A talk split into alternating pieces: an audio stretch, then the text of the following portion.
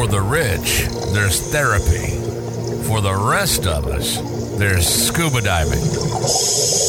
Ain't that the truth? This is the Team Yellow Podcast. Addicted to scuba diving. There's something about the peace, the weightlessness, and the freedom of breathing underwater. No cell phone, no deadlines, no bosses. And this is where we come to talk about it. Welcome in to the Team Yellow Podcast. Addicted to scuba diving. Now, here are your hosts, Hirochier and Gijs. Hey Gijs, daar zijn we weer.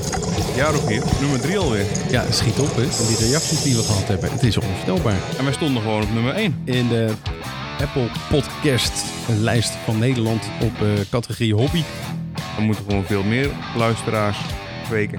Nou, daarom. Maar misschien moeten we dan toch eerst eens proberen om de kwaliteit een beetje omhoog uh, te gaan krikken. Hè? Heb jij een idee hoe dat moet? Ja, ik heb zeker een idee hoe dat moet. En ik denk dat we misschien meer kwaliteit in huis moeten halen. En daarom hebben we een gast uitgenodigd vanavond. Peter, van harte welkom. Ja, dank je. Peter, je natuurlijk al jaren. Maar misschien kan jij een beetje, een beetje voorstellen aan onze luisteraars. Peter, wie ben je eigenlijk? Peter van Ling. Ik ben uh, een duiker, een wrakduiker, een Noordzeeduiker. Maar ik duik eigenlijk overal. Maar ja, het mooiste uh, duiken is natuurlijk toch het Noordzeeduiken. Dat doe ik het liefst. Kijk, en dat is nou waar we het vandaag over gaan hebben. Noordzeeduik. Hoe lang uh, duik je al op de Noordzee, Peter? Ik heb mijn eerste duik gemaakt toen vanuit Scheveningen. Uh, 1997, mei 1997 was de eerste duik. Volgens mij was het op de Internos. Dat was echt bijzonder. Met een 12 liter fles, een 4 liter flesje daarnaast gemaakt voor eventueel de extra gas. De ponybottle? Ja, dat was van de ponybottle eraan vastgemaakt met uh, twee banden.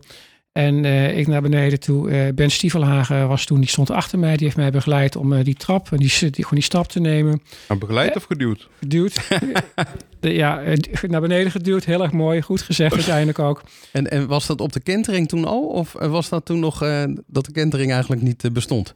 Volgens mij was het inderdaad op, het, ja, op de bentering. Heb ik, volgens mij heb ik dat bijna wel vaker meegemaakt. Maar dat was niet zo erg. Uh, en dat was voor mij een indrukwekkende duik. Uh, spannend om naar beneden te gaan. Maar als je dan het wrak ziet, het wrak komt dan uiteindelijk ook in één keer uh, voor je.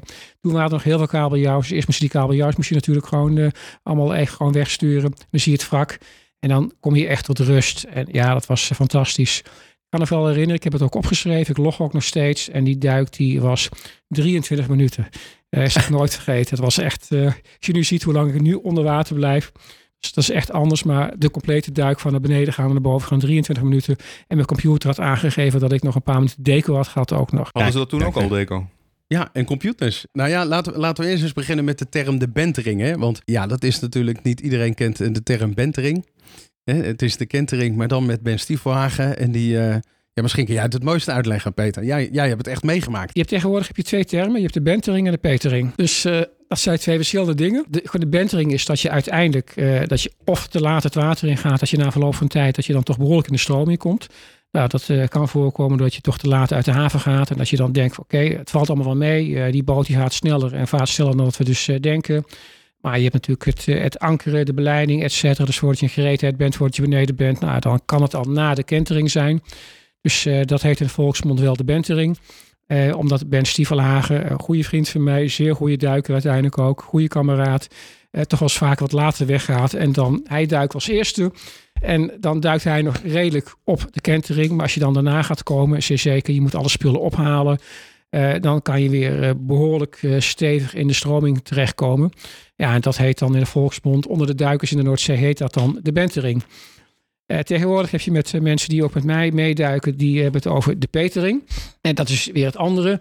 Uh, Hans Heesakker, ook een zeer ervaren Noordzee wrakduiker, die ik ook al jarenlang, die ja, heeft dat uiteindelijk ook, ook gezegd. Ik vind het altijd leuk om ruimschoots voor de kentering het water in te gaan. Ik hou van wat stroming. Uh, dus ik ga eigenlijk altijd veel te vroeg het water in als het nog behoorlijk stroomt. En ook dan hebben andere mensen daar wel eens last van dat ze uiteindelijk dan toch nog voor de kentering alweer het water in gaan. Dus dat heet dan de petering. Je hebt dus de bentering. Maar dat jij dan voor de, voor de, met stroom erin wil, heeft dat nog een reden? Omdat je stof maakt of zo, wat dan lekker wegspoelt? Ik, eh, ik, ik, uh, mijn buoyancy is heel goed, dus ik zal nooit echt stof maken. Maar je moet je wel realiseren, als je het uh, anker over natuurlijk de bodem doet, dan kan je stof krijgen en dat soort zaken. Uh, ja, dus dan is het wel fijn als je, uh, of als je netten snijdt bijvoorbeeld, uh, of een lood meeneemt. Dan vind ik losramt? nou, dat heb ik eigenlijk nog nooit gedaan. Als ik patrijspoort in het verleden heb meegenomen, dan lagen die los in het zand. En dat was volgens mij alweer voor 2016 geloof ik dat dat gedaan is. Maar, uh, ja, ja, Kleine, kleine aanvulling. 2016, hè, de, er is een nieuwe wetgeving gekomen. Die wetgeving zegt dat je niks mee mag nemen van de, de Noordzeebodem. En, en dat is eigenlijk een soort, uh, voor alle, alle Noordzee-wrakduikers, een soort kantelpunt geworden. Voor die tijd mocht je nog wel eens mooie aandenken meenemen naar je mooie duik. En eigenlijk sindsdien, volgens mij is juli 2016. Ja, mag dat niet meer. En ik vind het wel Moeten we met lege handen naar huis eigenlijk, hè? Ik begrijp aan de ene kant ook dat je uh, gewoon de spullen achter moet laten. Ik kan me dat heel goed voorstellen. Aan de andere kant, als je gaat kijken, als daar vissersboten met hun boomkor langzaam, wat ze wel niet kapot maken. Uh, dan denk ik van, oké, uh, dat kan dan wel. En daar wordt geen toezicht op gehouden. Als een duiker een klein souvenirtje meeneemt, wat helemaal niet van belang is. En ze laat het wrak intact. Nou, ja, dan denk ik van, is dat erg? Nou, het mag er niet meer, dus oké, dus we, we, laten het ook niet toe. En als het, en als het om wrakken gaat die helemaal niet archeologisch interessant zijn, denk ik, waar heb je het uiteindelijk ook over? Ik vind het wel heel erg belangrijk ook, als we echt wrakken, nieuwe wrakken tegenkomen die archeologisch echt interessant zijn, uh, meld het meteen, blijf er vanaf, laat het intact uiteindelijk ook, want dat zijn natuurlijk wel hele mooie dingen om goed te kunnen bewaren. Maar we gaan nu gelijk al helemaal diep in de, eh, op de, de diepte in op de Noordzee. Maar we waren eigenlijk bezig met, met uh, dat jij je aan het voorstellen bent. Was, je duikt al sinds 97. Maar hoe, hoe ben je met dat duik in aanraking uh, gekomen, Peter? Ik heb mijn eerste duik gemaakt. Dat was mijn zwager. Uh, mijn zwager is trouwens beroepsduiker geweest bij olieplatforms. Ook in onze eigen Noordzee. Die had een duikschool op Lombok. En ik was daar met mijn vrouw in 1992. En heb ik op de Gili-eilanden uh, waar toen geen huisje of niks te bekennen was, hebben we daar twee duiken gemaakt. Dus dat was de eerste keer dat ik met duiken in aanraking kwam. In 95 ben ik weer in Indonesië gegaan. Uh, toen had mijn zwager geen duikschool meer op Lombok, maar dook die heel veel vanuit Bali. Heb ik op Bali heb ik een aantal duiken gemaakt. En toen ben ik in 1995 in Scheveningen duikschool, Seaview Diving, Melvin Oostdijk. Melvin, hey, die ja, Melvin, die is natuurlijk dat, dat was ook echt een wrakduiken. Dus die heeft me toen, ik heb daar heb ik uiteindelijk van open water tot dive master bij hem gedaan. Uh, was fantastisch. Een hele leuke duikschool, goede instructeur. En was altijd, altijd aanwezig op de Noordzee. Dus het mag natuurlijk wel duidelijk zijn dat hij me ook voor het eerst heeft meegenomen met het Noordzee wrakduiken. Maar het is nogal een stap van het, eh, het mooie Bali uh, in warm water naar, naar de ijskoude Noordzee waar je niks ziet eigenlijk. Hè? Ik heb vanaf 95 uh, mijn opleiding in Nederland gedaan. Dus veel gedoken. Ook in het Oostvoornse meer. Vroeger heel veel. Heb ik bijna eigenlijk alle opleidingen gedaan. Toen had je daar nog ook in de zomer vrij goed zicht. Momenteel is dat wat minder. Wat minder. dat is nog zwak uitgedrukt. Dat is, dat is eh, zwak uit. Ja, oké. Okay, dat is uh, dan heel wat minder. Soms zie je helemaal niks voor ogen natuurlijk momenteel. Ik moet zeggen, de Noordzee. Uh, het, het, is, het is spannend. Het vergt best wel wat je duikvaardigheden. Je moet redelijk goede duiker zijn om daar goed uit de voeten te kunnen. Je kan stroming hebben. Je kan goed zicht hebben. Vaak heb je al heel goed zicht. Ik heb echt duiken gemaakt met zicht van wel 20 tot 30 meter. Dat is echt erg mooi. Soms ook wel wat minder. Soms ook wel met de stroming. Alles wat erbij komt kijken. Dus het vergt veel van je duikvaardigheden. Je kan er uiteindelijk ook groeien, ook als duiker. Ik ben er ook echt gegroeid, ook als duiker. Ook in al die jaren dat ik dat ook uh, gedaan heb. Uh, wrakken zijn interessant. Veel leven. Er valt onvoorstelbaar veel te zien. Ben jij van het leven? Ik dacht altijd dat jij van de, van de roesten was eigenlijk. Maar, maar Rogier, hadden we niet wat, wat stellingen bedacht? Ja, we hadden wat stellingen bedacht. Ja, we gaan... Uh, we zouden ja, beginnen toch, met de stellingen, Rogier. Toch wennen, hè, zo'n gast aan tafel. We, we, gaan helemaal los gelijk. Ja, uh, lekker hak op de tak. Een paar stellingen, Peter. Wrak of slak? Wrak. Kijk, zie je? Ik dus kan daar wel... wel iets van zeggen. Dat, uh, daar komen we straks nog op. Nee, misschien even leuk. Wrak of slak. een van mijn uh, buddies, uh, Johan Bijleveld vroeger. Dat was op de uh, Wilhelmina doken wij. Een wrak van tussen de 40 en 45 meter. en ik kwam boven en ik vertelde dat ik een hele mooie gekleurde naakslag had gezien. En Johan Bijleveld zei, enige reden waarom Peter die naakslag gezien heeft... is dat die naakslag zat op een stuk koper dat Peter interessant vond. ja, heel goed. Wrak ja. dus en geen slak. Nou, dan de volgende stelling. Zoet of zout? zout, zeker. Enkel of dubbel set? Dubbel. Boot of kant? Boot. Egypte of Kroatië? Ik ga binnenkort naar Kroatië toe voor het eerst. Hoop dat het doorgaat. Egypte ben ik pas 45 keer geweest. 45 keer? Maar die staan allemaal in het logboek, Rogier. 45 keer, zeg je? Ja. Kanonnen. Ik ben half Egyptian, zeggen ze altijd als en, ik er kom. Ja, ik kan me niets meer voorstellen. Maar uh, Kroatië nog nooit geweest? Ik heb nu, volgens mij vier jaar geleden, heb ik het georganiseerd. Had je COVID voor het eerst, 20. 21 had je COVID. 1922, 1922 uh, in het ziekenhuis. 1922. 1922? Ben je al zo oud, Peter? 2022. ja, dat krijg je als je wat ouder wordt. Ja, ja, ja, ja, Ja, dat is, heb je helemaal gelijk in. En dit jaar voor de vierde keer, dus vier keer een scheepsrecht. Dus ik hoop nu dat het eh, doorgaat, dat er geen kink in de kabel komt. En, en waar ga jij heen? Kroatië? Eh Istrië, Istrië. met eh, Wouter, eh Wouter Klaassen. En eh wrakken, expeditie. Wrakken tussen de 20 en 45 meter. Dat lijkt me wel leuk. Geen idee. Klinkt goed. Top. Leuk. Top. Goed zicht. Warm water. Ik heb begrepen dat het begin mei, dat het water op diepte, dat het een graad of 8, 9, 10 is. Dus zo warm is het niet. 14, 15. Verleden jaar was het 8, 9 graden, zeiden mensen op diepte. Brr. Maar ja, Ja, Ja. ja, ja. Gewoon droogpak, verwarming, het valt wel mee. ik zat van het weekend in Hemmoor en dan was het ook een graad of 5, 6. Brr. Goed, ehm, Peter, we hebben gehoord dat jij ook instructeur bent. Dat klopt. Hoe is dat zover gekomen? gaat eigenlijk vanzelf. Ik ben, toen ik nog zat bij Melvin Oostdijk, eh, deden we ook best vrij veel zeg maar, beginnende eh, decompressieduiken. Ben ik samen met Melvin deur geworden bij EMTD. Echt leuk ook om eh, mensen de beginselen van duiken bij te brengen. Ook om mensen betere duikers te laten worden, vind ik ook te zien groeien. Sommige mensen willen veel te snel. Ik zeg altijd van, neem je tijd. Staatsgeloot wat wil vergroten, moet je daar gewoon veel voor gaan duiken, veel dingen voor gaan doen. Het is leuk om eh, mensen betere duikers te maken. Buiten leren zwemmen wrakduik specialty te geven, diepduik specialties. Ja, want die wrakduik specialties geef jij nog, nogal veel, hè, geloof ik. Maar heel dan- veel valt wel mee hoor, maar dat, ik geef ze ieder jaar toch wel een aantal keren. Ja, precies. Maar ik denk dat er veel meer instructeurs zijn die, die het niet doen. eh, eh, dat- dan de hoeveelheden die jij wel doet. Maar jij, jij geeft die ook echt op de Noordzee, hè? Meestal eh, vind ik Of het in leuk. combinatie In, met... in, in combinatie. Ik heb het vroeger toen ik begonnen ben bij bepaalde duikscholen, hebben ze mij gevraagd om ook die cursussen te geven. Toen bleek dat een aantal duikscholen zeiden, ja wij geven altijd de, de wrakduik specialties in Vinkenveen. Hoe dan? Keek ik, keek ik uiteindelijk ook van, nou, daar maken we de vier duiken. Dan zei ik ook van, hoe dan? Hoe doe je dat natuurlijk? Hè? Dus dat is... Op de botter eventjes een rondje zwemmen. Ja, nou, dat, dat kan. Eh, ik doe meestal wel uiteindelijk eh in Vinkenveen een paar duiken maken, haspelen, eh, met hefballonnenwerk. Heel veel dingen die je ook goed kan gebruiken op de Noordzee. Eh, uiteindelijk ook wel de standards natuurlijk ook van Paddy volgen. Maar wel zorgen dat mensen in staat zijn goed te kunnen haspelen, SMB'tjes te kunnen oplaten, dingen gelijktijdig te kunnen doen.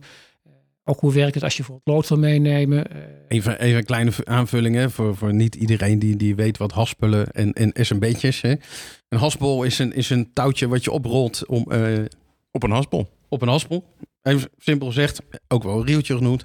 En SMB is een boeitje wat je schiet om, om aan de oppervlakte markering te krijgen, zodat de boot ziet waar je bent.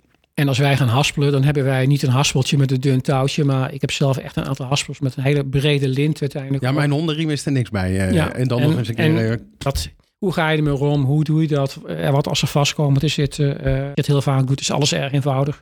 Mensen die al die dingen voor het eerst in de handen hebben, dan hebben ze bijvoorbeeld al een set, dan hebben ze een haspel, dan hebben ze nog een, een- bijvoorbeeld een postzak bij zich. Dan moeten ze met een SMB werken, al die dingen gelijktijdig, een hefballon erbij. Ja, dan wordt het eh, best wel veel voor mensen. Dus het is leuk om mensen daarin te begeleiden en die stappen te zetten. Eh, dus daar een paar duiken te maken en dan uiteindelijk met ze mee te gaan de Noordzee op. Kunnen ze met mij meeduiken aan het begin van het eind. Aan het begin, eh, als een anker terecht gegooid is eh, op het De vlak. petering Nou, dan of de bentering. de be- naar de bentering niet, want ik ik vind het wel fijn om op tijd te komen. Dat ook de gasten die meegaan goed op de kentering kunnen duiken. En eh, ik merk ook dat het wel heel fijn is. Vooral voor mensen die voor het eerst gaan. Die vinden fijn om niet al te veel stroming te hebben. Altijd een beetje stroming natuurlijk op de Noord. Nou, dan kunnen mensen die die wrakduik specialty dan ook doen. Die duiken ermee. eh hoe een hefballon erop wordt gezet. Hoe er wordt eh, gehaspeld over het wrak heen. Kunnen ze zelf doen. Kunnen kijken. En op die manier maken ze hun eerste echte Noordzee wrakduik. Dan zijn ze ook actief bezig. Dus ik begeleid ze daar dan bij. En bijvoorbeeld de tweede duik kunnen ze dan aan het eind als inhaspelen en zorg anker met een hefballon dat het omhoog wordt geschoten. Op een veilige manier. Dat het alles wat er natuurlijk bij wrakduiken bij komt eh, kijken. Dat leg je dan uit. Hoe de boot in elkaar zit. Maar vooral ja, uiteindelijk ga je dan de, de boot uit elkaar halen? ja, helemaal uit elkaar halen. Dat is natuurlijk... eh, Nee, maar ik maak er een grapje van. Ja, maar meer gewoon stuurboord, bakboord, eh, waar gebeurt wat. Ja, maar natuurlijk uiteindelijk ook van eh, wat voor veiligheidsmiddelen heb je aan boord. Waar is de keuken? Je zeker was de keuken, maar uiteindelijk was de koffie. Maar, maar ehm, e- even terug, hè. iemand doet bij jou zo'n zo'n zo'n wrakduikcursus. Toen, toen ik begon met eh, Noordzeeduiken, liep ik tegen het probleem aan dat elke boot zegt eigenlijk... ja, je mag mee als je Noordzeeervaring hebt. Maar als jij niet met een boot mee mag, kan jij geen Noordzeeervaring opdoen. Daarom zeg ik altijd van, ja, is er gezellig mee. Maar kan je dan, hè, als, je, als je die cursus doet, kan je dan zeg maar zonder Noordzee-ervaring, maar met cursus doen, je ervaring opdoen om uiteindelijk de Noordzee op te gaan? als je eerst alles moet doen voordat je eh, je duiken zelf kan maken, dan kom je eigenlijk nergens aan toe. Ik vind het van belang, ook als ik kijk hoe ben ik vroeger zelf begonnen. Vroeger zelf begonnen, ik was toen met mijn rescueopleiding bezig. Ik was Frans open water duiken. Toen mocht ik van mijn instructeur mocht ik mee. En uiteindelijk heb ik heel veel geleerd. Heb ik daar stappen gezet, heb ik fouten gemaakt, mijn kop gestoten. En die willen wij natuurlijk weten, Peter. Ja, dat, dat, dat snap ik. Eh, ik weet niet of ik dat allemaal nog wel weet. Hè. Na verloop van tijd vergeet je dingen. Misschien zeker voor vanavond. voor spontaan. Spontaan. Wij, vragen, wij eisen nu van mensen eh, minimaal twee sters. Met bijvoorbeeld ook wat ervaring in de Oosterschelde. Ja, dan Eh, krijg je toch twee sterren. hè? Ik zit dat altijd om te of NOB, naar- Rogier. Ja, ik ben geen NOB, hè? Dat, Dan maar dat- twee sterren, dat dat, is- dat vergelijkbaar met Dat is, althans. dat is te vergelijken. Ja, nou, daar zit een beetje tussen. Ik ervaar het over het algemeen genomen met een rescue buffet. Het hangt een beetje af van, van wanneer je dat gedaan hebt. Maar de vereniging eist, en wij eisen uiteindelijk minimaal NB 2 sterren. Dan heb je ook met de redder erbij. Dus, dus dan kan je vergelijken met de PD Rescue cursus uiteindelijk ook.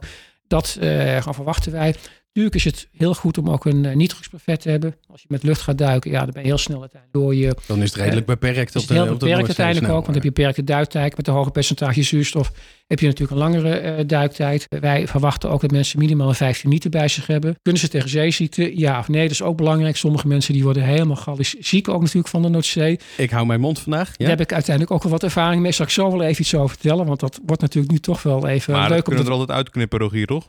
Dat gaan jullie er niet uitknippen. Ja, dat gaan we dat zeker gaan jullie uitknippen. echt, echt niet uitknippen. Onze vaste luisteraars weten al precies hoe dat zit met groen en geel. Dus dat stukje kunnen we overslaan, gelukkig. Team Yellow. Ja, ja, ja. ja, ja, ja, ja, ja. Ja, ja. Eh, eh, dus laat mensen alsjeblieft een eerste, eh, gewoon een eerste ervaring opdoen eh, met het eh, Noordzee eh, wrakduiken. Natuurlijk zijn er minimaal eisen. Ik zeg ook altijd, het is een plas water. Het is wel een plas water, uiteindelijk niet aan de rift. Dus het is wel een open zee. Dus het betreft wel een hoop veiligheidsmaatregelen natuurlijk die wij eh, ook eh, nemen. Vandaar dat we ook eh, willen dat mensen via de ankerlijn naar beneden gaan. Daar hebben wij haspels die we uitgezonden hebben over het wrak. Afhankelijk van de grootte van het wrak, één of twee haspels. Dus dat is 50 of 100 meter wat we dan uitstemmen. Dus mensen kunnen dan vrij makkelijk hun weg weer terugvinden over het wrak. Een parcoursje. En bijvoorbeeld een parcoursje uiteindelijk ook. En dan nog kunnen mensen hun weg kwijtraken.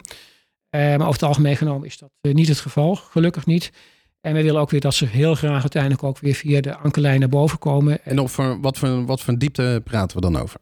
De meeste vlakken waar wij op duiken zijn tussen de 28 en toch 2, 33 meter. Uiteindelijk ook wel goed dat mensen van diepduik specialty gevolgd hebben. Nogmaals, rescue NB 2 zelf is dat voldoende om te gaan beginnen. Als je aan tegen zeeziekte kan. Hey, en eh, de, de Noordzee, hoe vaak, eh, hoe vaak duik je daar? Want ehm, ik hoor altijd over allig, zicht en, en dingen. Jij noemde net dat je duiken hebt gehad met 20 tot 30 meter zicht. Wat zijn dan de goede periodes om, eh, om de Noordzee op te gaan? Hangt er een beetje vanaf. Je kan in mei af en toe al hele goede dagen hebben. Ik heb toen de tijd eh, 17 mei 97 mijn eerste Noordzeedag gemaakt. Toen had ik best goed zicht. Maar in mei kan je ook wel eens behoorlijke algexplosies te maken hebben. Dat het zicht echt bagger is. Er zijn ook mensen die zeggen, ja, in de winter kan je heel goed duiken. Toch wel een beetje een, zeg, mooi weer duiken niet. Maar eh, het, het moet niet vriezen en kraken bij wijze van Maar voor. Kroatië zei je net al, nou ja, heating aan, eh, verwarming onder mijn droogpak. En Dat hebben al die anderen, ik niet. Ik heb geen heating helaas. Ik ben heel erg jaloers op al die mensen. ik geloof er helemaal niet van. geloof je helemaal niks van. Eh, maar meestal vanaf juni tot en met september, oktober kan je heel goed duiken. Je hebt ook nog in de zomermaanden af en toe wel eens periodes dat het water je behoorlijk opwarmt. Dan heb je weer wat algexplosies. Maar als je dus niet op het strand gaat lopen en als je dan het dode alg ziet, dat is het schuim wat je ziet, nou, dan weten wij dat alg afsterft. Pas zijn mensen op de Noordzee geweest, hebben een proefduik gemaakt met een boot en het zicht was een halve meter. Vind ik dat eh, Dan best moeten we nog even wachten, denk ik, eh Dan- met de Noordzee. dan vind ik dat gevaarlijk. Je hebt vislijnen, visnetten en met een half meter te gaan duiken. Ik heb het vroeger zelf ook gedaan. Dat brengt niet, denk ik, van wacht even tot je minimaal een aantal meter zicht hebt. En leuker in de zomer als je op de kruisers duikt. Dat zijn de oorlogsschepen die in de Eerste Wereldoorlog zijn gezonken. Of nog verder. Dan heb je toch in de regel al tussen de 5 en 15 meter zicht. Maar je, je noemt net al vroeger hè, eh, dat je dat slecht zicht duiken en zo. Maar 1997, dat is best een paar dagen terug. Merk jij verschil in, in hoe het, het onderwaterleven is, hoe het eruit ziet? Vis, je noemde er straks zo even, de kabeljauws moest je wegsturen. Hoe zag het er toen uit en hoe ziet het er nu uit? Is de, is de zee schoner? Eh jazeker. Eh, vroeger waren er veel meer leven. Zeker qua kabeljauw. Wazen. Echt op wrakken gedoken. Engelse onderzeeën die 30 of 35 mijl uit de kust van de Neeltje Jans. Dan ging je met de lijn naar beneden toe. Daar heb ik echt een keer 30 meter zicht gehad. En dan gebruik je nog een haspel ook nog. Omdat je het automatisch doet. Dat was gewoon zien. Maar eh, daar waren echt scholen kabeljauws. Dat was zo groot dat je soms het wrak niet zag vanwege het aantal kabeljauws. Dat was echt eind jaren 90, begin 2000 uniek. Ik En- ken de kabeljauw vooral van het bakje kibbeling bij de visboer. Terwijl er tegenwoordig ook geen kabeljauw meer is natuurlijk. en- maar, maar, maar een kabeljauw... eh, mij is kabeljauw dat ongeveer van een meter, grote. van ruim een meter. Ik heb, ben echt wel eens een paar keer boven gekomen dat ik echt zei van... eh, nou, ik kan natuurlijk eh, niet zien, maar dat ik gewoon, gewoon mijn armen zei... Wat zijn dit voor vissen? Dat leken wel kleine haaien. Ruim een meter of nog wel groter dan een meter dat ze Dat waren. is een flinke bak kibbeling. eh Ja. Maar, maar nu, nu is, het, is het, als je geluk hebt, kom je een kabeljauw tegen. De afgelopen jaren zie ik heel af en toe gelukkig weer een paar kabeljauws. Als je heel ver weg gaat, dan kom je voor eens een keer een paar exemplaren tegen... die dan volgens mij boven maat zijn. Die eh, je zou mogen meenemen als je zou vissen. En Peter, wat was je me- meest memorabele duik? Zoveel mooie duiken meegemaakt op de Noordzee... dat het heel erg lastig is om er iets van eh, te zeggen. Top 5 dan misschien. Top 5. Ik kan me wel herinneren dat het was, ik weet niet precies meer wanneer dat was, maar dat was volgens mij in begin 2000 was Heb dat. je je logboek niet meegenomen? man? Ik heb mijn logboek niet meegenomen. Ik log nog steeds, dus dat is wel bijzonder. Uit, Ja, dat zei je al. En, en op hoeveel duikers zit je dan inmiddels? ik heb bijna 2900 duiken, bijna 500 Noordzeeduiken. Dus best wel heel veel Noordzeeduiken. En merk je misschien ook dat je vroeger vaker uit kon varen dan tegenwoordig? Of zit daar een verschil in? Mm, Ik heb niet de indruk Met het dat het- weer, dat je Nee, bedoel, nee, sterk heb- weersafhankelijk? ook de afgelopen jaren zijn we vaker uitgevaren. Ik merk wel uiteindelijk ook dat de voorspelling van Windfinder en Windguru dat het soms wel lastig is. Soms eh, dan voorspellen ze een bepaalde golfhoogte dat wij denken van nou is het wel verstandig om weg te gaan. Dan ga je niet weg en dan blijft het heel erg mee te vallen. Soms is het omgekeerd. Dus het is heel erg lastig uiteindelijk ook om dat ik, soort... ik kan me ook nog wel een, een tripje herinneren dat het koffieprut tegen het dak van de boot zat, zeg maar.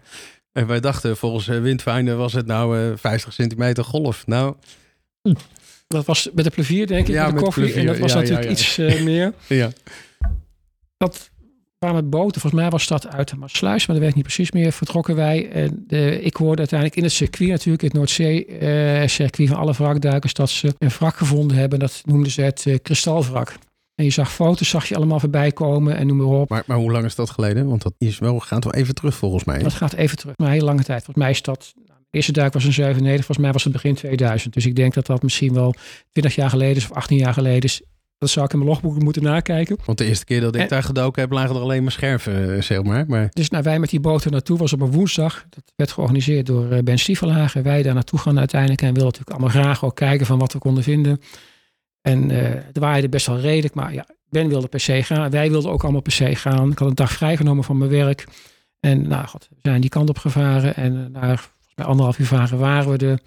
Toen waren de golven zodanig dat toch de schippen besloten. Dus niet veilig, we gaan weer terug. Nou, dat was echt dat je echt denkt jongen, en een vrije dag genomen. En op het vak waar je graag wil duiken. Dus gebeurde er dus niet. Het, eh, nou, met Jos van Leersum was dat toen de tijd een keer met Duikwacht Zeeland. Eh, waren we daar. Was wel vaker geweest uiteindelijk ook. Jos vond er wel eens wat. Dan kan je, de ruim kon je ingaan. Als je allemaal niet kratten liggen, moest je dan de kratten openmaken.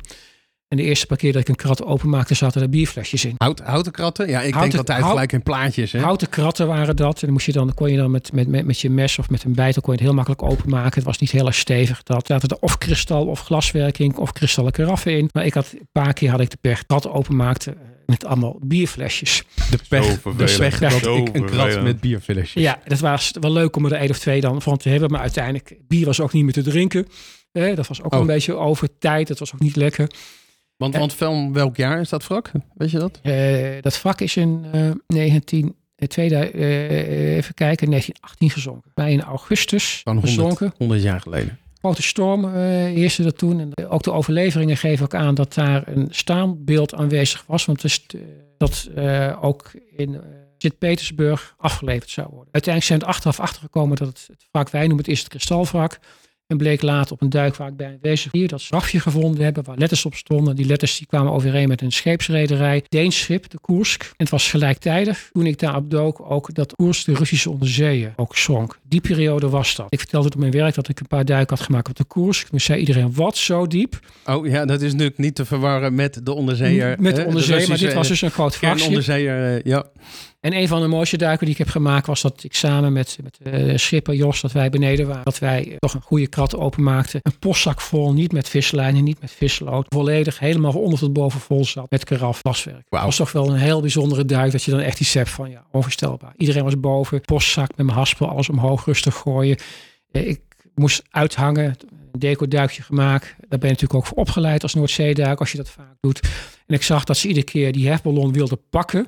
Want ze wisten dat daar die grote postzak aan hing. Was ook heel goed zicht. Maar ja, ik had die haspel bij me. Ik trok iedere keer die postzak weer naar me toe. Ik denk, je postzak die blijft bij mij. Hè? Ik zie ze daarboven iedere keer proberen te pakken. En ik trok het weer naar me toe zo. Hè? Dus dat... Een andere duik was, dat is ook wel heel bijzonder. Eh, dat was het plevier. Met Ze was de een duiken op een van de kruisers. Kruisers zijn drie Engelse kruisers. De Cressie, de Hook en de Aboukir zijn eh, getorpedeerd door een zeeboot. Wij zijn bijna 1500 mensen omgekomen. We waren met de plevier daar. Een aantal ook eh, duikmaatjes van mij waren er uiteindelijk ook bij. En bleek dat een aantal mensen ook granaten gingen tellen. Allemaal granaten geteld. En Granaten. granaten liggen natuurlijk, zijn oorlogsschepen, liggen Alle allemaal granaten. en granaten. En die laat je dus allemaal ook liggen. Natuurlijk, daar kom je niet aan, want het is nog steeds explosief. Dus daar blijf je met je handen vanaf.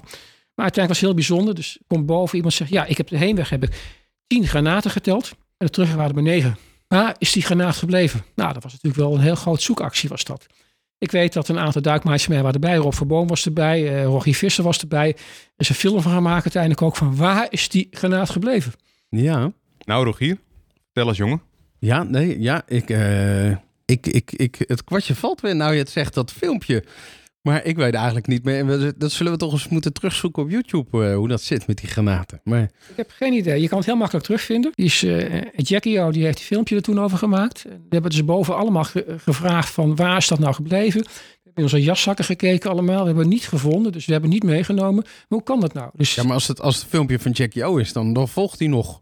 Dus, ja, hij volgt altijd. Dat klopt. Daar heb je helemaal gelijk. maar goed.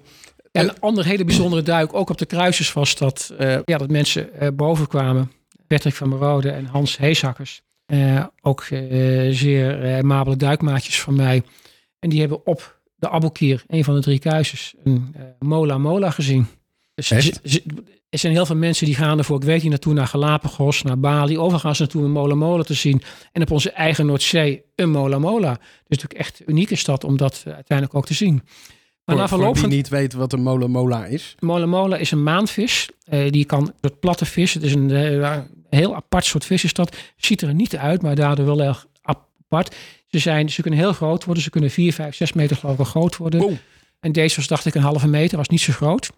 Maar het verhaal uiteindelijk na verloop van tijd. eh, Verhalen gaan... Het begon op een halve meter, maar uiteindelijk was hij hoe groot? Nou, hij bleef een halve meter. Oh, maar van één mola mola werd het een school mola mola's. Maar die beesten, die vissen, die leven niet in scholen, toch? Nee, die leven niet in scholen. Maar uiteindelijk is natuurlijk toch wel dat... eh, eh, gewoon de wrakduikers maken daar in de regel toch wel wat andere verhalen van. Hey, en, maar we hebben het nou over mooie, mooie momenten, leuke momenten.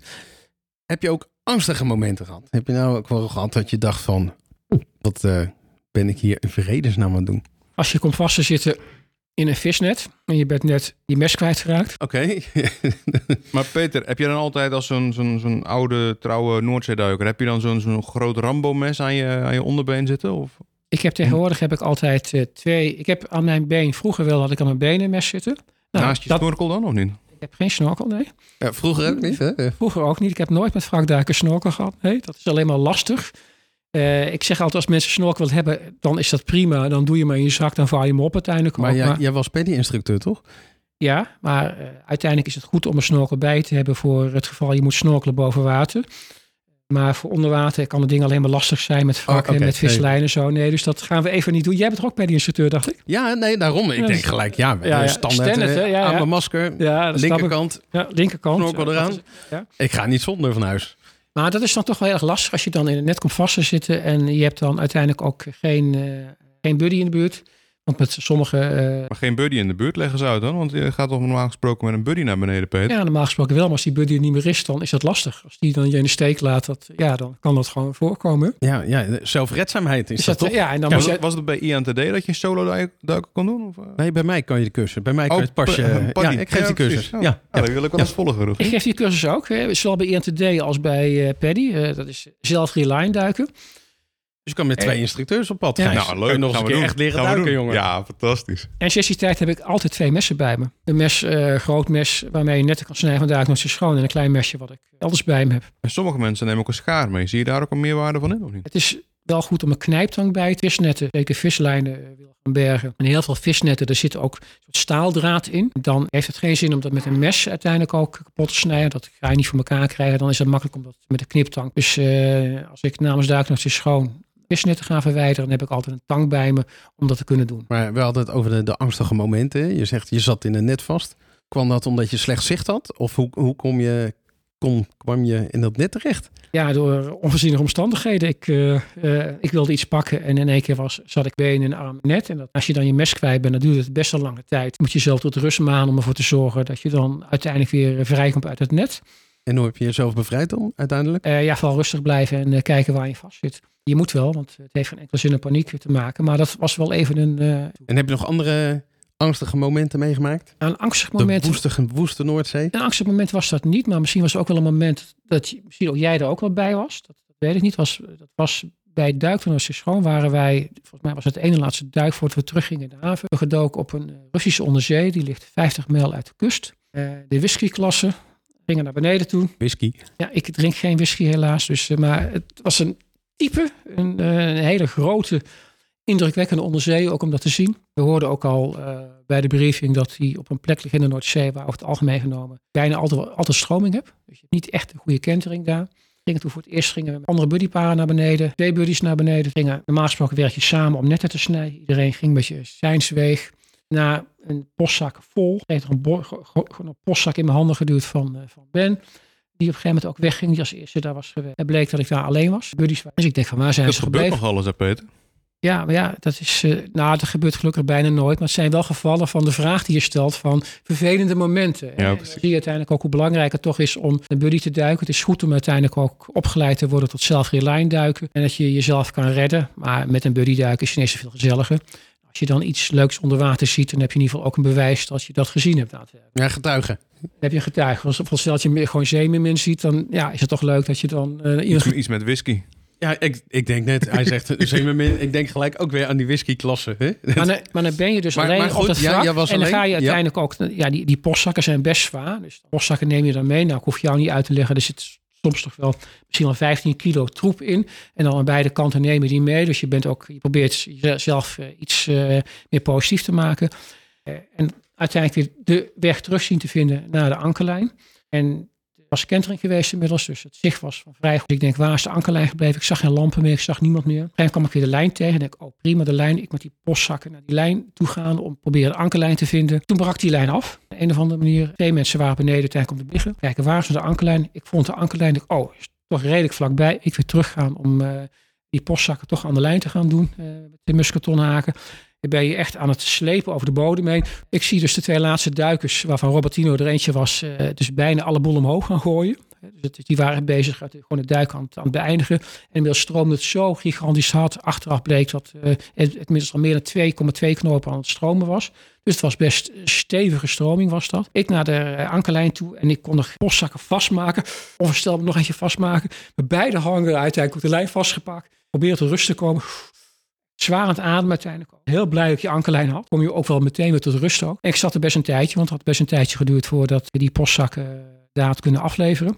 Ik denk, ja, het zal toch niet gebeuren dat je postzaken achterlaten. Dan, dan heb je het schompen zitten snijden beneden. En dan Eh, moet je die, eh, die netten alsnog ja, achterlaten. ja, denk, dat ik van, denk ik van, joh, dat, dat, dus dat, Dat wil je niet. dus niet. Dus ik was heel blij dat ik er was.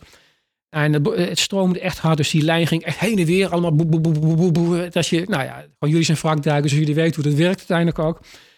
En eh, ik naar boven toe, en ik had best een, eh, moest best een tijdje uithangen. En in één keer werd alles omhoog gegooid. Nou, dan zie je de stroming, eh, dus dan heb je geen last meer van, eh, ja, van die stroming. Dus dan, Ja, je drijft eigenlijk Dan mee je dan, met, mee de met de stroming. En dan, ja. En uiteindelijk heb ik lang moeten uithangen. Toen ik uithang, toen bleek dat eh, boven, alle duikers waren boven nog. En dat bleek dat volgens mij iets was met de reel, noem maar op, van de commandant van Gold. Het schip waarmee we dus uiteindelijk ook waren, dat was niet in orde. Waardoor wij heel in de verte de commandant van Gold zagen. Die werd steeds kleiner, kleiner en kleiner. Standby boot was er uiteindelijk ook niet. Dus het duurde een vrij lange periode voordat we uiteindelijk weer opgehaald werden. En, en dan is zo'n Noordzee wel gigantisch groot. hè? Dan is het gigantisch groot. En dan merk je uiteindelijk ook van, je hebt geen rif. Het is een open zee. Dan zijn alle technieken uiteindelijk ook bij elkaar blijven, noem maar op. Eh, ja, is wel heel erg belangrijk. En heb je nog specifieke attributen mee? Vuurwerk? Eh met duikdansen school. Ik heb dan zelf ook altijd heb ik een, eh, een, eh, een rookding bij me. Ik eh, kan gebruiken. Een- Geen een rookding? Ja, dit een, iets wat je kan doen Een wat, vapor? wat heel veel rook geeft. Dat ga je Oh. openmaken en dan, dan geeft dat dus een soort rookbom is dat. Vuurwerk wat, wat vrij lang rook geeft uiteindelijk ook. Dus stel dat je af komt drijven. Dat heb ik zelf altijd bij me. Met duikdansen schoon hebben we ook vuurpijlen bij ons. Voor veiligheid. En ben je ook al een beetje van de techniek? Je hebt tegenwoordig ook van die kastjes, van die GPS-kastjes. Is dat iets wat jullie ook meenemen of niet? Eh, ik niet, nee. nee. Ik weet dat het, eh, heel goed kan helpen. Ik weet heel veel mensen tegenwoordig ook bij zich hebben. Rogier het of het mij ook heeft. Wat heeft Ik- er ook hier niet, ze- jongens? Ja, ik heb ze geïmporteerd zelfs. eh, het, het oude model nog. Ja, maar een oud model. Ik wil graag een modern model hebben. En dan tegen gereduceerd prijs natuurlijk. Dat snap Ja, je wel. nee, ja dat, dat lukt niet meer. Dus Typisch je zal toch met typisch je fakkel, eh, Typisch fakkel moeten blijven doen. Hè? Ja. Maar ik, ik ken wel succesverhalen van iemand die op vakantie eh, flink afgedreven was op een rif. En die, die dankzij zo'n ding toch eh, de boot kon bereiken van nee, je moet de andere kant op varen. Er zijn echt, denk ik, bepaalde duiken die je moet maken. Dan heb je dat soort apparatuur echt verplicht nodig. Daar ben ik van overtuigd. Wel veilig, ja. En we hadden het een beetje over die, die angsten en dingen. Maar, maar heb je ook echt leermomenten gehad dat je dacht van... Ja, die stop ik in mijn rugzak. Hier heb ik vandaag echt iets van geleerd. En, en wat je eigenlijk nu nog deelt in je cursussen en je lessen die je geeft aan, aan toekomstige Noordzeeduikers. Dat je zegt van nou, denk hier aan. Of dat was voor mij echt een leermoment. Wat ik zelf op diepte altijd meemaak. Ik dacht ook altijd dat ik niet echt narcotisch was. Dan mensen met wie ik dan duik, dan, dan vragen hoe die duik ging. Ik zie vaak als andere mensen narcotisch zijn, maar dat zien ze dan ook bij mij. Je hebt het vaak zelf niet in de gaten dat je narcotisch Nog duiken maakt vanaf 35 meter, dan ben je gewoon narcotisch. Dus dat betekent eh, dat je de apparatuur wat je bij hebt, de, eh, het materiaal, de haspels, de hefballon, eh, je SMB. Je moet bedreven zijn om, ook als je wat minder goed functioneert, om dat standaard te kunnen doen. En, en narcotisch, hè, daar bedoelen we eigenlijk mee dat je een soort... Het is vergelijkbaar met dat je een paar biertjes op hebt en een beetje gelukkig wordt. En, Ja, of angstiger wordt. Dat kan uiteindelijk ook. Er zijn heel veel natuurlijk eh, ja, de manieren waardoor narcose naar, naar boven kan komen. Dat, dus ik probeer mensen ook altijd eh, mee te geven. Oefenen, oefenen, oefenen. Dat haspel of een SMB. Ik merk zoveel mensen, ook zeer ervaren duikers, die bijna nooit een SMB oplaten. Eh, Leer dat, doe dat, oefen in het zwembad. Maak iedere duik die je doet, eh, oefen dat. En het is helemaal niet ergens misgaat. Ook al ben je instructeur, maakt niet uit dat het misgaat. Als je dat blijft oefenen, dan gaat het ook op momenten dat je het moet doen, dan gaat het uiteindelijk ook goed. Tijdens je opstijging moet je dat kunnen doen. Je moet kunnen blijven hangen. Dat soort eh, technieken. Ja, blijven hangen aan de ketting. Aan of de ketting. dat je blijft zweven op de Blijft- goede diepte, bedoel je dan? blijft, goed blijft zweven. Iedereen die ik les geef, eh, vijf meter is vijf meter. En dat is eh, geen twee en acht meter. Probeer alsjeblieft te blijven hangen. Ook dat is vooral oefenen, is concentratie. Is heel veel concentratie, heel veel doen uiteindelijk. En probeer ook Maar dat dan- kan je prima op Vinkenveen oefenen natuurlijk. Ja, is ook Daar heel hoef je goed. niet per se voor naar... Nee, maar dat is ook heel goed om dat soort dingen ook te oefenen. Om dat te oefenen uiteindelijk ook in Vinkenveen. Vinkenveen is een fantastische plaats om te oefenen. Het is donker, het is koud. Het is prima om eh, daar dat soort zaken te doen. Dus de Noordzee kan vaak een stukje makkelijker zijn. Want het, eh, in de zomer is het water eh, tussen de 16 en 20 graden. Je hebt over het algemeen genomen heel goed zicht. Dus je hebt daar wat minder stress van de kou of van het zicht. Dus dat is allemaal veel makkelijker. Maar uiteindelijk, als je het in Vinkenveen kan, eh, dat soort zaken in slecht en koud water vanaf een eh, meter of 20 een SMB oplaten of vanaf een meter of 25, dan kan je het in de Noordzee kan je het uiteindelijk ook. Dus blijf die dingen oefenen. Het is ook goed uiteindelijk ook als je op de Noordzee wil gaan duiken en je wil iets meer, je gaat wel een dubbelset kopen, wat na verloop van tijd heel veel mensen gaan doen. Eh, ga je dan uiteindelijk ook, ook opleiden, want je moet altijd duiken binnen de grenzen van een brevet. Ga dan stapje voor stapje, ga daar bijvoorbeeld wat meer ervaring op doen. Ga bijvoorbeeld een technische duikopleiding doen. Dus, eh, maar ga je vaardigheden langzaam uiteindelijk schroeven. En die taskload wat je dan gaat doen, dat je meerdere dingen mee gaat nemen, dan ben je eraan en na verloop van tijd is dat iets van jezelf. Word je daardoor gewoon een betere duiker. Dus het is vooral uiteindelijk ook veel doen. Maar, maar terug naar de Noordzee, hè? want daar gingen we het eigenlijk vooral over hebben natuurlijk. We hebben het vooral over, nu over hoe je moet duiken en technieken. Als je het nou hebt over de, onze Noordzee, hè, de Nederlandse kust. Wat is nou het mooiste wrak wat je daar gezien moet hebben? Er zijn heel veel mooie wrakken. Ik vond altijd het uh, poppetjeswrak vond ik een fantastisch mooi wrak. Poppetjeswrak, leg dat, uit. Dat, dat, ligt in de Bruine Bank. Volgens mij mag je er nu niet meer duiken. Een uh, stoomschip, een hele mooie boeg. Als je daar aan het zand zit en je kijkt er naar boven toe, dan zie je het hele schip. En vroeger vond men daar altijd van die kleine vaasjes. Daardoor werd het alsof het van een uh, poppenhuis was. Vandaar dat we het poppetjeswrak genoemd hebben. Inmiddels is de naam van het wrak bekend. Ik ben even de naam kwijt. Maar dat is zo'n onvoorstelbaar mooi wrak is dat. De Wilhelmina, waar ik vroeger veel op heb gedoken ook. Dat ligt ook even al 40 mijl uit de kust. Dus heb je wel snelle boten ook voor nodig. De Christian Huygens, uh, diverse onderzeeërs. Ook de onderzeeër die 25 mijl uit de kust ligt. Waar je makkelijk in kan komen. Waar je ook in de kamers kan komen ook. Ja, er zijn zoveel mooie wrakken uiteindelijk. En het is de combinatie van, waarom ik wrakduiken leuk vind, is een stukje historie. Uh, waar komt het wrak vandaan? Wat, wat is daar gebeurd? Het is ook allemaal leed geweest, over het algemeen genomen. Niet alle wrakken gelukkig, maar de meeste wel. Is ook goed om dat te weten, om ook dat mee te nemen. Uiteindelijk ook in de briefings die je dan ook kan geven aan, uh, aan andere duikers. Het zijn ook kraamkamers geworden. Natuurlijk in onze eigen Noordzee was je vroeger heel veel hardsubstraat. Dat is allemaal weggevist. Hè, we dachten, dat kunnen we toch niet wegvissen. Hard, hard substraat. Hard substraat Ik ben is- geen bioloog, hè, Peter? Hard substraat is, is hard. Je hebt bijvoorbeeld eh, zand, dat is zacht substraat. En hard substraten zijn stenen. Kunnen ook schelpen zijn. Dat takken, eh, Borkumse stenen. Ja, borkum, borkumsteen kan, dat is ook hard, bijvoorbeeld hard substraat. En op daar groeit veel meer, is ook veel meer leven mogelijk. En op dit moment heb je natuurlijk in onze Noordzee de wrakken, zijn de kraamkamers van de Noordzee. Dat het ook echt mooi is om ook die wrakken te beschermen. Ze ook blijven, eh, ja, gewoon blijven Dus, dus eigenlijk hebben die wrakken eh, een functie gekregen. wrakken hebben mooie functies gekregen. Er komen gelukkig geen wrakken meer bij. Eh, bijna maar maar niet. hoe, hoe moeten mijn kinderen dan in de toekomst wrakduiken op de Noordzee? Dit- Want al die wrakken storten in en, en daar blijft steeds minder van over. Dat klopt. En dat is aan de ene kant dat jammer. Aan de andere kant denk ik, zijn honderden Die Joep al staan met zijn met zijn dubbelset en dan, en dan niks te zien. Ik denk dat het in de toekomst steeds minder zal worden. Want wrakken die zakken ook steeds verder in het zand. Hè? Want het is natuurlijk een zachte bodem. Dus als een wrak zwaar is, die kruisers, die zie je steeds verder ook het zand in zakken.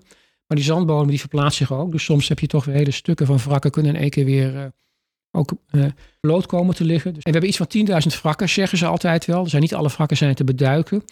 En we hebben ook te maken met dat de Noordzee natuurlijk, eh, ja, iedere vierkante meter wordt ieder jaar volgens mij wel tien keer omgeploegd door boomkorvisserij. Onze Noordzee wordt natuurlijk economisch onvoorstelbaar uitgebuit door eh, windmolenparken, zonneparken willen ze daar gaan plaatsen, et cetera. Dus natuurlijk heel veel andere functies ook gebruikt. eh. dus, dus de vraag is terecht die je stelt van hoe vaak kunnen wij in de toekomst nog gaan duiken? Er zijn steeds meer gebieden ook, ook steeds meer wrakken waar ik in het verleden heb kunnen duiken die we nu niet meer kunnen beduiken. Dus dat is jammer. Maar goed. van die 10.000 Peter, hoeveel heb je er dan bedoken ongeveer? Ik vind het lastig om te zeggen. Ik denk dat misschien ook door de diverse expedities van Duiknoordse Schoon 70, 80. Dat is toch best een kant getal. Maar bijvoorbeeld op de kruisers, eh, daar heb ik geen haspel nodig. Dan kan je mij gewoon achterlaten en ik weet de weg. Blinddoek te, Eh, weet je, eh, terug te te vinden. vinden. precies. Heb ik ook heel, Op de tast. de- dus dat, is, dat, dat, dat weet ik dan wel. En bijvoorbeeld ook het pispottenwrak, wat een heel mooi wrak is, wat op, op de zijkant ligt. Een hele mooie schroef.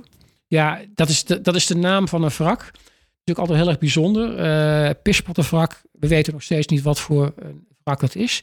Wel naamplaatjes gevonden. Eh, blijkt dat het mogelijk allemaal Schotse, eh, eh, uit Schotland materialen aanwezig zijn. Daar vind je ook kogelflesjes. Kogelflesjes, dat zijn mineraalflesjes uiteindelijk ook, die je daar kan vinden. De heel bijzondere kogelflesjes waar een naam op staat dat het uit Utrecht komt. Wel, ik probeer natuurlijk ook achter te komen van waar komt het vandaan. Ik ken heel veel verzamelaars van kogelflesjes daardoor. En die wisten niet eens dat ook in Nederland kogelflesjes gemaakt werden. Dus dat is echt uniek. Maar ja, we weten nog steeds niet van eh, waar het wrak vandaan komt. Dus dat is ook altijd leuk om een wrak een naam te Maar, geven. maar hoe komt het dan we aan hebben- de naam pispotten? Om, Als we het over kogelflesjes hebben. op het wrak vinden we heel veel eh, toiletten, lavabo en toiletten. En eh, daardoor de naam Pispot. Dat, ja, dat is vroeger ook gedoken op een wrak. Dat heet Vaderdag. Nou, waarom de Vaderdag? Omdat vissers hebben dat wrak gevonden op een Vaderdag. Nou, dus daarom het Vaderdag. En ik heb één keer heb ik op het wrak, dat heet dan eh, een mammoetwrak. Wel bekend denk ik, het. Daar is mammoetslagtanden gevonden, kiezeltanden zijn er gevonden.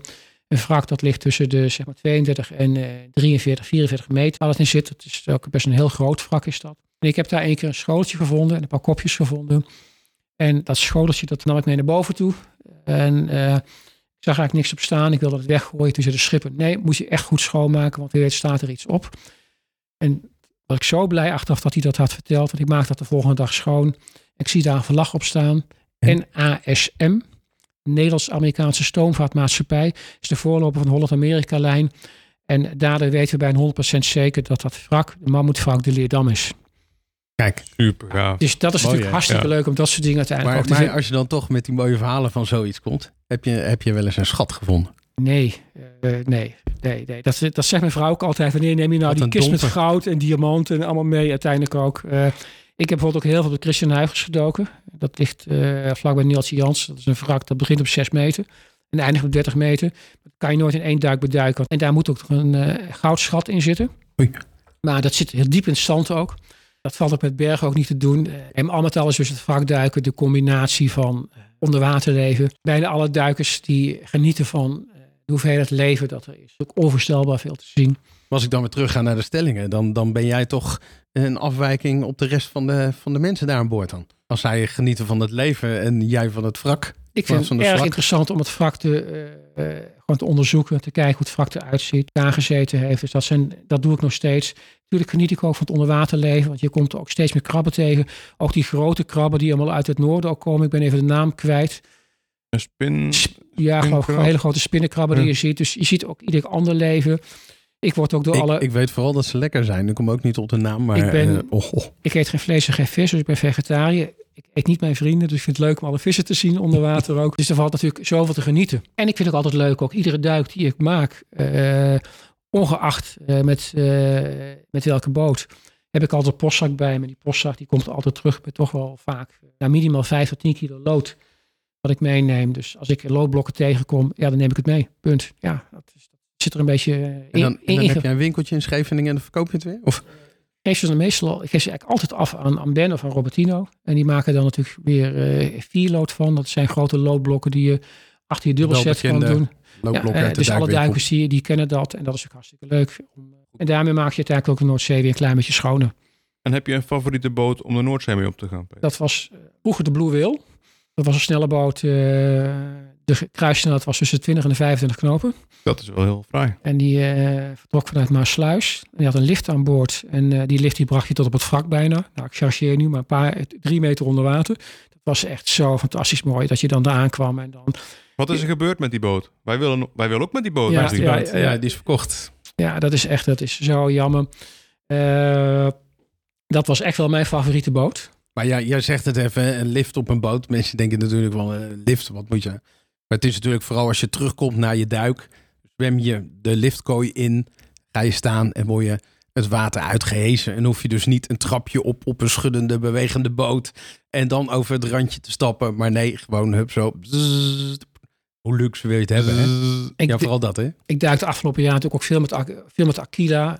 Is eh, prima ook hoe we dat nu ook georganiseerd hebben. Je kan makkelijk aan boord komen. Makkelijk ook ervan afgaan.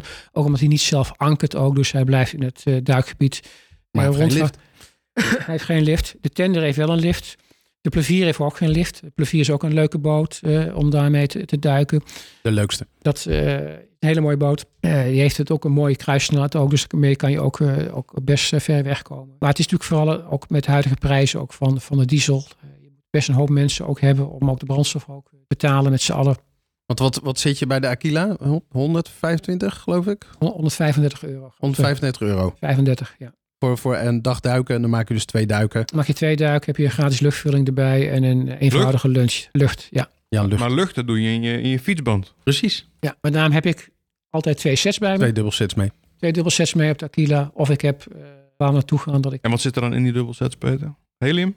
Nee, nee, nee. Er zit gewoon eh, een verhoogd percentage zuurstof in. Niet roks. Nitrox heet dat eh, in de duikwereld.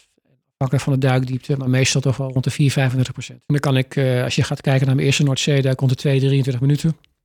En nu heb ik vaak duik als ik boven kom, 7, 80 minuten. Met een beetje deco. Klein beetje deco. En Peter, waar wil jij nou ooit nog eens duiken? Wat Ja, maar is laten nou... we toch even terugkomen op die deco. Peter, heb je ook wel eens een keer een, een, een zeer elleboogje gehad misschien? Of zo? Nee, nooit. Altijd netjes eh, voldoende deco gedaan. Ik heb altijd voldoende deco gedaan. Ik duik. Dus misschien moet je wel vegetariër worden dan om... Ja, wellicht. Zullen we dat eens proberen, Rogier? Dat is het, eh, een maandje. Nee, ik hou me natuurlijk gewoon aan, eh, aan, mijn- aan mijn duikcomputer. En ik kan natuurlijk allerlei mengsels daar uiteindelijk ook onder water ook aanpassen die ik dan ook gebruik. Ik heb nog altijd een veiligheidsstop er ook in zitten. Van vijf minuten die, die, die ik doe. Eh, ik zorg dat ik redelijk uitgerust ben. Ik, ben. ik heb een redelijke conditie. Steeds gelukkig een half marathon want lopen. wat, ehm, wat de luisteraars natuurlijk niet zien. Maar hoe oud ben jij, Peter? Ik ben eh, 63. En wat heb jij eh, vorige maand nog even gedaan in Den Haag? City by City. Halve marathon. Halve marathon. Gijs, wanneer heb jij voor het laatst een Kijk, halve marathon gelopen? Huis. Wat was jouw tijd, eh Gijs, met de halve marathon? Eh, ja, volgende vraag, Rogier. Nee, oké, maar goed, dat is natuurlijk wel, eh, dat speelt zeker wel mee als je serieus aan het duiken bent, dat je wel een goede lichamelijke conditie hebt. Je maar goed, op je 63, ik wil nog maar zien dat ik het haal überhaupt. Maar dan nog eens eh, een halve marathon lopen, eh, respect. Dat, eh, Nee, je moet als duiker, als je ook lang wil blijven duiken, duiken wil blijven maken die ik doe, moet je gewoon goed voor je lijf zorgen. Dus, eh, dat is wel zo. En ja, dat, dat is noodzakelijk. En ik wil nog lang blijven duiken. En ik, ik kan niet weten dat je over een aantal jaar wat minder Noordzeeduiken kan maken. Ook geen probleem. Dan hoop ik nog wel dat ik veel sportduiken kan maken. Er valt natuurlijk heel erg veel te zien. We hebben het over de Noordzee, maar ook heel een fantastische plek om te duiken. Vaak vind ik de Oosterschelde duik misschien wel net zo zwaar, misschien wel zwaarder. Nou, die duik op en af. Die duik Laat op en af. Ik, eh, ik bedank. Ja, Op, de, op de boot doe je tien stappen en lig je in het water. Eh, in Zeeland moet je dan nog eens van je auto naar de dijk. Dan de dijk op, de dijk af. Dan glibber je over de stenen het water in. maar je natuurlijk een boot op gaat, moet je eerst je dubbelset of dubbelsets. Jij hebt natuurlijk een hybride. Moet ik, ik moet natuurlijk die beide dubbelsets aan boord krijgen. Meer van boord afkrijgen. Dat is ook al een sportschooltje hè, Maar natuurlijk. die, die dubbelsets van jou, Peter, die zijn lichter dan, dan één rebrierde van Rogier. En als je met de plevier meegaat, kan je vullen aan boord. Ook Ja. nitrox. Dus dat scheelt ook weer een dubbelsetje meenemen. Dat weet ik. Op de plevier heb ik maar één dubbelsetje nodig. Luxe. Maar dit was wel een mooi bruggetje naar de mooiste... Waar wil je nog eens duiken, Peter? Stel hem nog eens die vraag, maar dan in één keer. Peter, waar zou je nog wel eens willen duiken? Op mijn bucketlist heb ik eh, in ieder geval nog staan de Bahama's. Heel graag naartoe gaan. Vaak De Bahama's. Maar wa- waarom de Bahama's vraag ik me dan altijd gelijk af. Hè? Eh, ver weg, leuk. Maar wat vind je op de Bahama's wat je op de Noordzee niet vindt? Of eh, op de andere plaatsen waar jij gedoken hebt? Ik heb op heel veel plekken gedoken in de wereld. Dus Eh, eh, daarom? Dus- maar daarom juist mijn vraag. Wat, wat denk jij op de Bahama's te vinden? Wat je... Bahama's eh, vind je eh, tijgerhaaien. Heel goed zicht. Maar je, je kwam voor de roest, zei je zojuist nog. Ja, maar ik vind het ook wel leuk om ook eh, dat soort spannende dingen te zien. Ik vind haaien erg Ga je indrukwekkend. dan in een kooi of eh, Nee, nee, nee, nee. ga je met je vrienden? Ja, mijn vrienden die ik dan kan gebruiken om... eh, nee, nee, nee. Eh, ja, de Bahamas heb je onder andere ook tijgerhaaien. Je hebt die hele grote hamerhaaien van eh, 5, 6 meter die je daar kan zien. Eh, dat heb ik nog wel op mijn verlanglijstje staan. We gaan ook een keer naar Noorwegen. Lijkt me ook erg mooi om daar ook te gaan. Wel koud hoor daar. Ja, maar daar heb je droogpak. Goed zicht. Ik heb foto's gezien. Ik ben al een keer eh, Frans-Polynesisch geweest. Zou ik nog een keertje naartoe willen gaan. Eh, dat is ook echt aan te raden als je daar naartoe kan gaan. Ik vond alles daar mooi. Alles. Maar als je, als je dan zoveel gezien hebt, hè? ja, we dwalen lekker af van de Noordzee. Maar wat raad je iedereen aan? Waar moet je dan echt een keer kijken en duiken? Behalve de Noordzee natuurlijk. Ja, uiteindelijk is de Noordzee en de Oosterschelde zijn unieke duikplekken. Omdat je daar heel veel kan zien. Van, van klein tot wat eh, grotere dingen. Ik zeg ook altijd van... eh het hangt uiteindelijk ook vanaf van eh, wat je wil, wat je kan. Er zijn mensen jou. Maar, maar terug naar mijn vraag. Welke plek zeg je, daar moet iedereen gedoken hebben? Nou, er zijn er echt wel meerdere. Maar onder andere Noem maar één. Pulmo.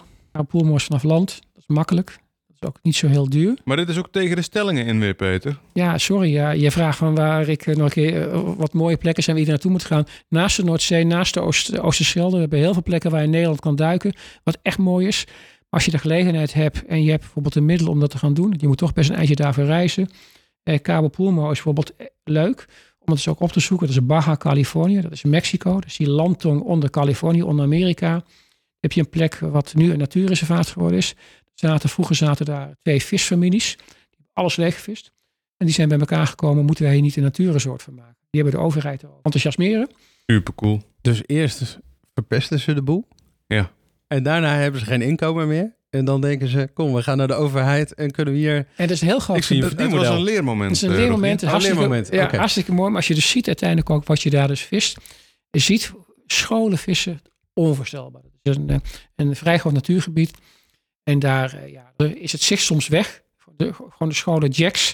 Dat zijn er tienduizenden, honderdduizenden. Die kan je niet tellen. Jacks. Dat zijn Een soort makreelachtige dingen. Die ja, zijn jacks. Ik ben geen bioloog. Het zijn bijzonder... Nee, zijn niet lekker volgens mij. Afblijven. Precies, de barbecue. Nee, ik zat ook nee, nee, te denken. nee, maar ja, nee. ik wilde je de vraag stellen, zijn die lekker? Maar ja, Dat, dat, Dat weet, ik weet jij dus nee, niet. dat weet ik niet. Nee, nee, nee. ja Dat- dat is dan weer is jammer. het, eh, Maar ben je ook wel eens op Truck Lagoon geweest misschien? Nee, ik ben wel eh, Palau geweest. Jap geweest, dus dat ligt er allebei vlakbij. Daar heb je ook veel wrakken. En Palau, dat is natuurlijk ook uniek. En Jap staat eigenlijk alleen maar bekend. Ook, daar heb je wrakken, maar vooral de manta's. Een manta-meting, dus dat je kan zien. Ja, mijn vrouw, die, ook mijn vaste buddy in het buitenland. Ze mag nu helaas niet meer duiken. Die, eh, ja, die heeft wat minder op wrakken. Die heeft wat meer op vissen.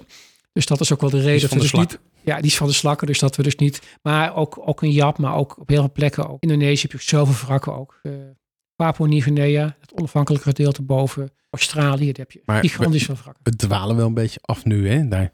Ja, Heb je nog wrakken op de Noordzee waar je zou willen duiken, Peter? Die nog... ik zou heel graag op wrakken willen duiken die ik niet ken. Een onbekende wrakken. Dus uiteindelijk gewoon naar beneden gaan en kijken. Wrakken waar we nog niet geweest zijn. Ja, die hebben we toch wel met, met de 100 mijls expeditie eh, gehad, hè? Ja, maar ik zou het ook wel leuk vinden met de plevier bijvoorbeeld. eh, naar wrakken te gaan, te gaan kijken, ankeren. En kijken wat is het voor wrak. Om daar een onderzoek naar te doen. En het is het spannende, misschien een soort jongensboekachtig. Van wat tref je nou uiteindelijk aan op dat wrak? Is het interessant? Is het een bekend wrak of niet? En dan ja, met ervaren mensen, met de ogen die je hebt. Dan misschien toch wel het schat daar. Hè, dus dus eh, dat Toch weer die schat, hè? Die schatten. Ja, Ja, dat ik is moet de- zeggen, het is er ook voor mij, maar dit is toch een jongensdroom, kom op. Ja, dat, dat, dat, dat is natuurlijk toch heel erg eh, mooi om. eh, en 9 van de 10 keer, maar überhaupt al daar naartoe varen. De spanning. En wat, eh, gewoon, wat tref je eraan? En dan is dat meestal. kan natuurlijk een beetje teleurstellend zijn. Maar aan de andere kant, het is wrakduiken, het is leuk. Dus dat, eh, ja. Wa- Was jij erbij toen we eh, naar die co- coördinaten gingen van dat kanon wat gevonden was? ik niet bij, nee. En wij gingen een keer, eh, hadden we coördinaten gekregen van een visser, die was er overheen gevaren. En die had op zijn sonar had die kanonnen gezien onder water. Gigantisch ding, ongeveer drie meter. Dus wij natuurlijk, hup, gierende banden met die boot naar buiten, hup, en naartoe. En op een gegeven moment, eh, nou, onder water zoeken. Ja hoor, daar ligt dat ding. Dus ik er naartoe. En ik kijk, kanon joh. Er zit een vinnetje achterop. En er zitten vinnetjes aan de zijkant. Torpedo. Ja, echt. Nee. Man, een gigantisch ding. Ja, dus daar zijn we maar eh, heel ver van afgebleven. Maar het was helaas geen kanon, dus weer geen schat gevonden, hè? Heb je hem niet even gekieteld? Nou, wij, we hebben het netjes gemeld met RC en beide dingen. Dus waarschijnlijk eh, ligt hij nu als een bouwpakket op de grond. Weet je nog, in Italië? Boom. Maar goed. Maar ehm, Peter, de, we, we, we hadden het lekker over de Noordzee. Luisteraars die nu denken, wauw, ik wil naar die Noordzee. Wat wil je die, die duikers meegeven? Wat moet je doen? Wat zou je... Zorg in ieder geval dat je voldoet aan de minimale opleidingsvereisten. Dat moet je doen. Zorg in ieder geval dat je je een beetje voorbereidt. Dus maak wat duiken in onze mooie Oosterschelde. Zorg dat je een beetje weet wat stroming is. Weer wat driftduikjes te maken, daar wat- ervaring mee op te doen. eh, wat voor of na de kentering. Je dat ook meemaakt. eh, van de Zeelandbrug van de ene trap naar de andere trap bijvoorbeeld uiteindelijk. Of kan je ook heel makkelijk ook best wel een beetje tegen de stroming in. Als het niet altijd diep is. Maar maak dat soort eh, duiken. En ga er gewoon een keer mee. Je dat zorg in ieder geval dat je je nitrusbuffet hebt. Dat vind ik het minimale dat je moet doen. En uiteindelijk ook op de Noordzee moet je rekening houden dat eh, duiken over het algemeen rond de 30 meter zijn. Dus een diep duikbuffet. Dus dat je een beetje daarvoor opgeleid bent. Ook voor je eigen verzekering is ook wel erg verstandig om dat te doen. Dus je moet een verzekering hebben. Nee, als jij uiteindelijk gaat duiken, stel dat er wat gebeurt. En jij duikt buiten de grenzen van je eigen brevet. Dan eh, kunnen verzekeringen moeilijk doen. Vandaar dat ik het belangrijk vind. Voor jezelf het natie duik mag dieper dan 30 meter. Je bent er niet voor opgeleid. Gebeurt wat met jou. eh, ja, dan, is, dan kan je een probleem krijgen met jouw verzekering. En welk uitrustingsstuk mag niet ontbreken bij de Noordzeeduiker? Je moet in ieder geval een mes hebben. Dat ze zonder meer... je Eén, moet, eh, Twee, drie. ik denk uiteindelijk ook als mensen meegaan voor het eerst. eh, de wrakken waar wij op duiken, er zijn niet zoveel visnetten, dat valt er mee. Er zijn duikers aan het begin en duikers aan het eind. Dus er zijn best wel wat duikers ook beneden. Dus op zichzelf is één mes is voldoende. Dat klinkt goed. Laatste vraag. Wat jij nog een hele goede Nee, vraag. nee, nee, nee. Heeft duiken je leven veranderd? Onvoorstelbaar. In welke zin? Ik ben op zulke mooie plekken in de wereld gekomen. Waar het over de Noordzee. eh, waar project. ik, nee, prima. Maar hij heeft me duiken. Ik, ik, ik ben op zulke mooie plekken in de wereld terechtgekomen. Eh, ik heb er zelf zoveel van geleerd. Je leert jezelf ook kennen door steeds stapjes verder gaan. Je ontmoet onwijs leuke, te gekke mensen. Allemaal dezelfde passie hebben. Gewoon uren en uren met elkaar overbomen. Dus En hoe lang zitten we hier ondertussen al? eh? Ja, eh, meer dan een uur. Ja, het schiet lekker op, hè? Dat, ja. Eh, Ik geef veel informatie voor Noordzee. En ik, het is ook leuk om ook mensen mee te nemen in een stukje ervaring wat ik heb en dingen die ik heb geleerd om ze dat mee te geven. Eh, toen ik begon met duiken was het echt anders. Met de 12 liter gaan duiken, waar ik mee begonnen ben met de 4 liter daaraan vast. Eh, dat staat nu niet meer toe. Tegenwoordig heb je er meestal een dubbel 12. Ik heb een dubbel zoveel 12, als- maar aan de andere kant, een 5 liter is voor iedereen is gewoon voldoende om mee te beginnen. Ik vind het echt onzin dat iedereen eh, van alles en nog wat gedaan moet hebben. Ga eens kijken of je het leuk vindt. Ja, want als jij alles hebt aangeschaft, eh, je dubbelset, noem maar op, je hebt alle opleidingen gevolgd, je gaat er nooit zee op en je blijkt zeeziek eh, te worden. Ja, ja, wat heb je dan aan? Dus ga, iedereen maakt uiteindelijk zijn eigen stappen en, eh, en zijn eigen leercurve. Dat is een mooie laatste zin om mee af te sluiten. Peter, bedankt. Super tof dat je aan wilde schuiven bij onze, bij onze podcast.